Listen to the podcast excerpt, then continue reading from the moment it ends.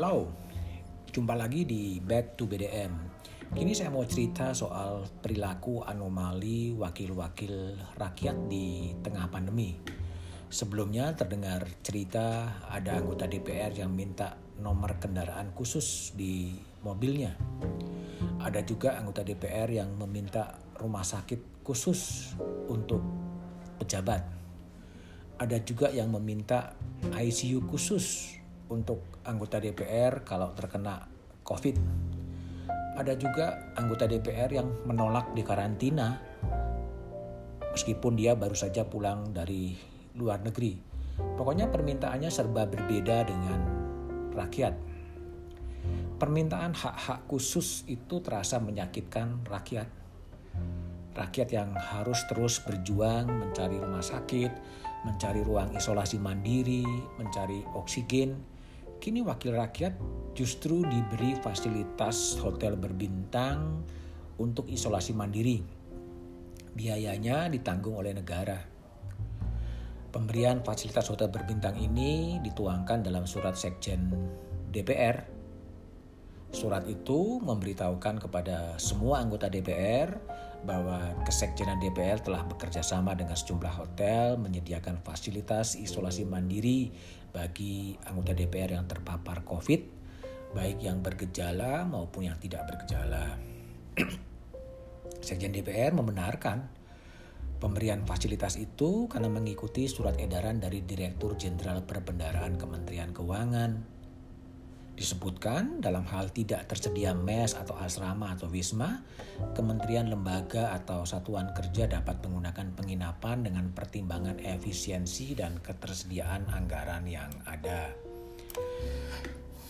Fasilitas itu hanya siap-siap jika dibutuhkan oleh anggota DPR dan stafnya termasuk tenaga ahli dan aparatur sipil negara yang memerlukan.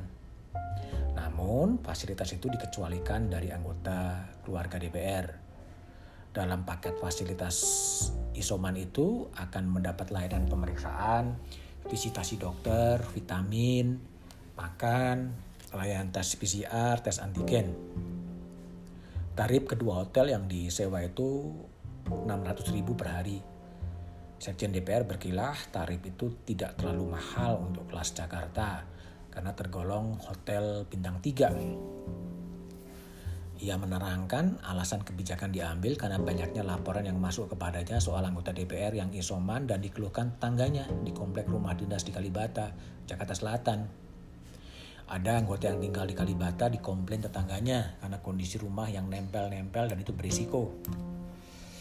Masalahnya sebenarnya bukan hanya soal harga dan pelakuan istimewa namun kepekaan dan empati permintaan perlakuan khusus, privilege, hak-hak istimewa rasanya kurang pas ketika rakyat harus bekerja keras, berjuang keras untuk mengakses layanan kesehatan.